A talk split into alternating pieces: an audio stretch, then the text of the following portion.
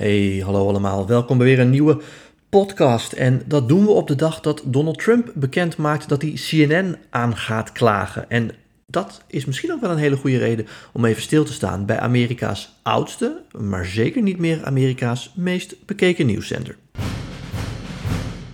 Ja, want CNN is niet alleen bij far niet meer de best bekeken nieuwszender in Amerika. Dat is natuurlijk Fox News. En vaak is het wat linksere MSNBC de nummer 2 en pas op nummer 3 komt CNN. Maar het is überhaupt niet een van de best bekeken zenders in Amerika. Fox News is zelfs zo populair dat het vaak de op 4 of 5 na best bekeken zender overall in Amerika is. Hè. Dus je hebt eerst de drie grote networks, of eigenlijk de vier grote networks: CBS, ABC, NBC en Fox, eh, de grote entertainmentzender van Rupert Murdoch, bekend van The Simpsons bijvoorbeeld.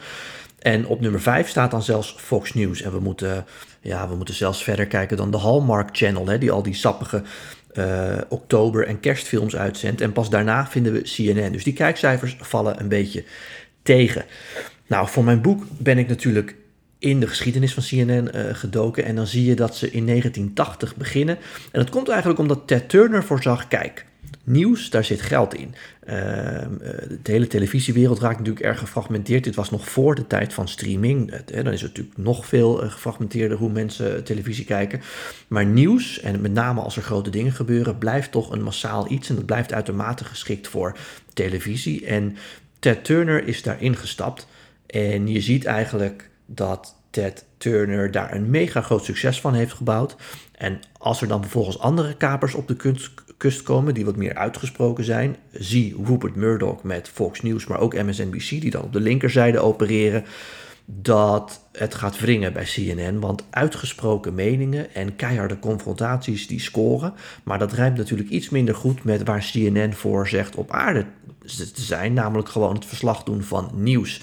En sinds Fox News de best bekeken nieuwszender is, dat is ongeveer in 2002 is dat kantelpunt gekomen na de aanslagen van 9-11 en de daaropvolgende oorlogen in Irak en Afghanistan en Fox News heel erg patriotistisch is geworden.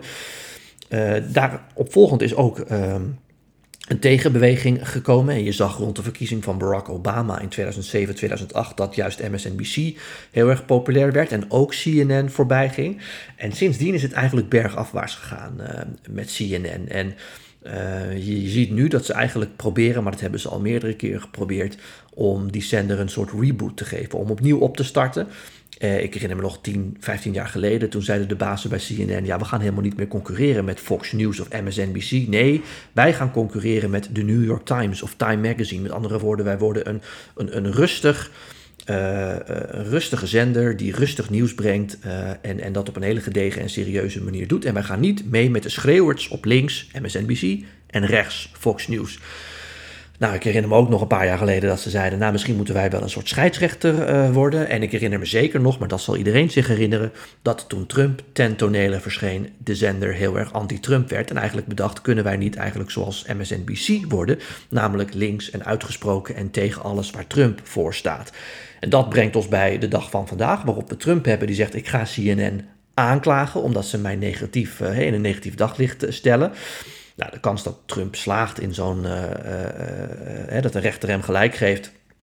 Die kans is nul, want CNN mag natuurlijk hem gewoon kritisch volgen. Ik denk dat een rechter ook zal zeggen: ja, u bent president geweest en wil dat ook misschien weer worden. Terecht dat mensen kritisch zijn. Wil niet zeggen dat wat Trump zegt niet klopt. Uh, want wat Trump zegt is, CNN is eigenlijk tegen mij. Nou, dat is ook zo, dat zijn ze ook. Maar dat is in de Verenigde Staten geen misdaad. Uh, sterker nog, Trump mag niet klagen, want Fox News is voor hem. En daar heeft hij veel meer aan dan een veel kleinere zender als CNN die tegen hem is. Maar goed, relevant is het wel. Zeker ook gezien het feit dat uh, de voormalige directeur van CNN, Jeff Zucker, is opgestapt al een paar uh, jaar geleden. Die ging een onderzoek doen naar een van hun bekendste presentatoren, Chris Cuomo. Die presenteerde iedere avond het programma Chris Cuomo Primetime, of Cuomo Primetime heet het geloof ik. en ja, toen zijn broer Andrew Cuomo, die was de gouverneur van New York, in de problemen kwam omdat hij uh, zich seksueel overschrijdend gedragen had, is ook naar buiten gekomen dat Chris Cuomo zijn broer natuurlijk heeft geholpen. En CNN dacht, kijk, kan dat wel? Wij claimen onafhankelijk te zijn. We hebben iemand die iedere avond Trump uh, bekritiseert. En vervolgens zit hij stiekem zijn democratische broer in New York te helpen. Mag dat allemaal wel? Er is een onderzoek naar gekomen. En dat onderzoek vond nog veel meer dingen bij CNN die niet klopten. Waaronder ook Jeff Zoeker die een relatie had met een uh, medewerkster. En dat had hij niet bij het bedrijf zelf gemeld. Dus Jeff Zoeker vloog eruit. En inmiddels is er een nieuwe uh, uh, baas ingeschoven bij CNN. Chris Licht heet die man. Het carrière gemaakt onder andere bij CBS en ook MSNBC. En ja, die gaat eigenlijk voor de zoveelste keer proberen om CNN te resetten. En heeft gezegd uh, wij moeten een, een onafhankelijk, serieus, uh, soms gedegen en misschien soms ook wel een beetje saai uh, nieuwsstation worden. En we moeten dus niet proberen Fox News of MSNBC na te doen. En een van de manieren waarop je dat doet is door te zeggen: we moeten afscheid nemen van die banner die steeds in beeld is. Hè? Breaking news. Het is iedere dag wel breaking news. Daar verdienen we ons geld natuurlijk ook mee. Maar die breaking news banner moet er echt staan op dagen als 11 september 2001. Of op dagen dat misschien de pacemaker van Joe Biden het begeeft. Anders dan dat moeten we wat rustiger en wat kalmer worden en ook dus wat serieuzer. Een andere manier waarop hij CNN wil vernieuwen is door al die pratende hoofden eruit te zetten. Chris Cuomo ligt er dus al uit, maar er gaan ook een aantal andere mensen weg. Brian Stelter is onlangs ontslagen. Die presenteerde iedere zondag Reliable Sources, een soort uh, media achtig programma waarin ze zowel de berichtgeving van CNN, maar ook andere zenders, met name natuurlijk ook Fox News, tegen het licht houden. En uh, dat ook op een kritische manier doen. Ook dat programma is weggegaan omdat Brian Stelter wel heel erg anti-Fox en anti-Trump was. En Chris Licht zegt, we hebben al twee zenders, MSNBC en Fox, die de hele tijd pro of anti zijn. Wij moeten daar niet aan meedoen. Nou, of dat slaagt is een tweede. Maar het is denk ik de enige optie die CNN heeft. Want je kunt Fox nou eenmaal niet overschreeuwen. En je kunt MSNBC ook niet overschreeuwen. Dus de vraag is: kan CNN terug naar diens roots? Nou, in mijn boek beschrijf ik uitgebreid hoe CNN eh, is uh, ontstaan. Overigens, dit is de laatste week dat je nog een exemplaar kan bestellen. waarin ik een persoonlijke boodschap kan schrijven. Dus wil je dat, doe dat dan. Uh, en anders kunnen we ongetwijfeld binnenkort bij de boekhandels kopen. Maar ik beschrijf daar ook hoe in 1980 Ted Turner aan het avontuur van CNN begonnen was. Ted Turner was toen, is dat nog steeds, maar was toen zeker een van de meest bekende Amerikanen in de mediawereld. Had verschillende televisiezenders onder zijn hoede en begon dus ook een televisiezender. Inmiddels is hij al lang weg bij CNN. Uh, begin van de eeuwwisseling uh, is CNN opgegaan in andere bedrijven en is hij eruit gegaan. En hij woont nu, hij is in de tachtig, op zijn ranch in Montana, een van de mooiste staten in Amerika. En daar is hij uh, ja, in die ranch uh, uh, gelegen, midden in een van de grootste privéparken van Amerika. Want wat doet Ted Turner? Die is een van de grootste privégrondbezitters van Amerika. Die koopt allerlei stukken land op, dat doet hij al sinds de jaren 80, van boeren. En dan zet hij al die koeien eruit en dan zet hij er bisons in terug. Want hij wil de Noord-Amerikaanse bisonpopulatie herstellen. Nou, onlangs bezocht CBS Sunday Morning hem op zijn ranch in Montana. Hij is nu wat ouder, wat sleetser ook. Hij heeft een lichte vorm van Alzheimer. Maar de presentator van dienst, Ted Koppel, die vraagt wel aan Ted Turner... Ja, als jij nu naar CNN kijkt en Ted Turner zegt: Ik doe dat heel af en toe nog maar een beetje. Ja, wat zie je dan en hoe zou jij dat nou anders doen? En Ted Turner blikt dan terug op nou, het feit dat hij uh, wereldwijd uh, regeringsleiders heeft ontmoet als, uh, als directeur van CNN. Dat hij ruzie ook heeft gehad met Rupert Murdoch. Want toen die Fox News oprichtte, was die concurrentiestrijd tussen die twee mannen erg hevig.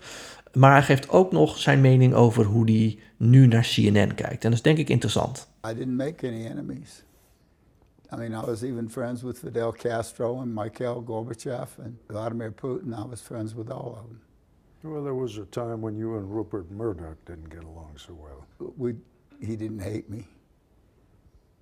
He envied me. I don't. Oh, he envied you. Why did he envy you? Because I was ahead of him a little bit, but not much. He was he, he was one of the smartest guys in the media business. Is one of the smartest. Ted Turner doesn't follow the news much anymore. He'll still watch CNN occasionally you get the sense that he might do things differently if he was still running the network, but he isn't, and he doesn't want to criticize. I think they're sticking with politics a little too much. They'd do better to have a, a more balanced um, agenda. But that's, you know, just one person's opinion. Yeah, one person who founded the joint. Ja, en wil je nou precies weten hoe die CNN heeft opgericht? Wil je wat meer weten over de begindagen? Dat CNN nog in een oud uh, verbouwd huis opereerde en daar op zolder een kamertje was voor Ted Turner en dat hij ochtends midden de uitzending in kwam in zijn badjas om te kijken of alles wel goed ging? Of wil je weten wat er nu achter de schermen gebeurt tot en met Chris Licht die de boel aan het reorganiseren is? Ja, dan moet je mijn boek uh, bestellen. Ik zag vandaag dat Trump CNN wil aanklagen en dat vond ik toch een mooie manier om even nog mijn boek te pluggen. Goed, tot zover. Dan naar al die vragen, want ik heb er via Instagram vooral heel veel gehad. Uh, waaronder van Sil, die vraagt of Ron DeSantis goed op orkaan Ian heeft gereageerd. Ja, ik denk het wel, uh, omdat tijdens dit soort rampen, grote rampen, Amerikanen het toch wel belangrijk vinden, zeker ook nu in deze verdeelde politieke tijd, dat je de samenwerking opzoekt. En Ron DeSantis heeft zeer nauw contact gehad met Joe Biden. En ik denk dat dat door kiezers links en rechts wordt gewaardeerd. Goed, dan vraagt iemand Greg Abbott of Beto O'Rourke. Wie wordt het? Ja, dat gaat over de gouverneurstrijd in Texas. Ja, heel simpel. Um, Iedereen hier volgt Beto O'Rourke. Uh, dat is een beetje hetzelfde als in New York, Alexandria uh, Ocasio-Cortez. Dat mensen zeggen, oh AOC, Beto O'Rourke, fantastisch. Maar uh, ik denk niet dat Beto O'Rourke het gaat worden. Dat is zo'n sulletje die al nou, een aantal jaren aan de verkiezingen meedoet. De, de presidentsverkiezingen mee wil. Die voor senator worden, nu weer gouverneur. En dat is typisch zo'n democraat die in de media leuk scoort, maar het uiteindelijk niet gaat redden. de gouverneur van Texas nu, Greg Abbott, die dus herkozen wil worden, is ontzettend populair. Dus ik denk dat hij het gaat worden. Goed, dan vraagt iemand hoe groot de kans is op een burgeroorlog bij de volgende verkiezingen in de Verenigde Staten. Nou, ik vind burgeroorlog altijd erg uh, uh, dramatisch. Uh, maar bij de volgende presidentsverkiezingen, als Trump weer meedoet, dan moeten we denk ik wel oppassen dat er niet geweld aan te pas komt. Omdat Trump ongetwijfeld gaat zeggen dat hij die verkiezingen gewonnen heeft, ook al zou hij ze verliezen. en ik vraag mij af of zijn kiezers dat een tweede keer accepteren. Dus de vorige keer is natuurlijk al ehm, uit de hand gelopen bij het Capitool, maar ik probeer maar te zeggen, dan zou dat best nog wel eens op grotere schaal zichtbaar kunnen worden. Dan vervolgens vraagt Cox: Denk je dat Trump gezien alle rechtszaken gewoon mee kan doen aan de verkiezingen? Nou, het antwoord daarop is heel simpel, Cox. Ja, want uh, uh, des te meer rechtszaken, des te groter de kans, dat hebben we eerder behandeld in deze podcast, dat Trump mee gaat doen. Want uh, des te meer rechtszaken er lopen, des te gevaarlijker het voor Trump wordt. Hè? Want er kunnen misschien ook financiële uh, gevolgen aan zitten. Misschien moet hij uh, schadevergoedingen gaan betalen. Bijvoorbeeld in New York, waar uh, ze zeggen van ja, hij heeft daar zijn bezittingen groter doen lijken dan dat ze daadwerkelijk zijn. En daardoor heeft hij aantrekkelijkere leningen gehad. Nou, er is natuurlijk nog het onderzoek naar de, van de 6 januari-commissie. Ehm, al die rechtszaken die lopen. Uh, um, die zijn voor Trump makkelijker van de hand te doen als hij daadwerkelijk presidentskandidaat is. Want dan kan hij zeggen: kijk, ze proberen mij gewoon politiek te tackelen hier. Dus ik denk dat, nogmaals, des te meer rechtszaken, des te groter de kans dat Trump meedoet. Maar om jouw vraag heel kort te beantwoorden. Um, uh, Trump mag ook gewoon meedoen. Dus zelfs vanuit de gevangenis zou hij mee kunnen doen. Dus het is niet zo dat die rechtszaken hem gaan stoppen. Uh, ze kunnen hem ook niet stoppen. Vervolgens vraagt Jesse, wordt Trump meer gewaardeerd bij VI dan bij de gemiddelde Nederlander? Ja, dus is VI een beetje op de hand van Trump? Ja, dat denk ik eerlijk gezegd uh, uh, niet. Ik zie uh, breed eigenlijk wel dat mensen Trump waarderen. Omdat mensen, omdat ik natuurlijk lang leven Trump heb geschreven, vaak denken dat ik een fan ben van Trump. Dat is niet zo. Ik ben fan van niemand. Ik ben hooguit fan van Bruce Springsteen, zeg ik altijd. Maar mensen voelen zich bij mij wel open om het te zeggen als ze zelf fan zijn van Trump. En ik spreek vrijwel dagelijks mensen op straat die dat dan zeggen. Dus ik denk niet dat het specifiek een VI-ding is. overigens is Johan Derksen altijd vrij kritisch op Trump. Dus ik denk zeker niet dat VI pro-Trump is. Alleen. Uh, bij VI wordt ook wel de charme van Trump uh, gezien, namelijk dat hij soms uh, goud eerlijk is en dat hij soms ook humor heeft. En ik behandel dat ook in mijn boek, dus ik snap dat ook wel. Tot zover, dank weer voor al jullie vragen. Ik kreeg er zoals gezegd veel via Instagram, maar je kunt ze ook opsturen via LinkedIn of Twitter. En nogmaals, wil je nu een gesigneerd exemplaar ontvangen van Nieuws als Wapen met een persoonlijke boodschap van mij erin, dan kun je dat doen. Dat kan via mijn website remonmens.nl, via mijn socials of ga direct naar de site van de uitgever, dat is Sparkle Auteurs. Want deze actie die stopt na een week, want dan kun je hem gewoon in de winkel uh, krijgen of via bol.com en dergelijke bestellen. Dus wil je dat nog, doe dat dan nu. En dan spreek ik jullie weer bij een volgende podcast. Tot zover, tot dan.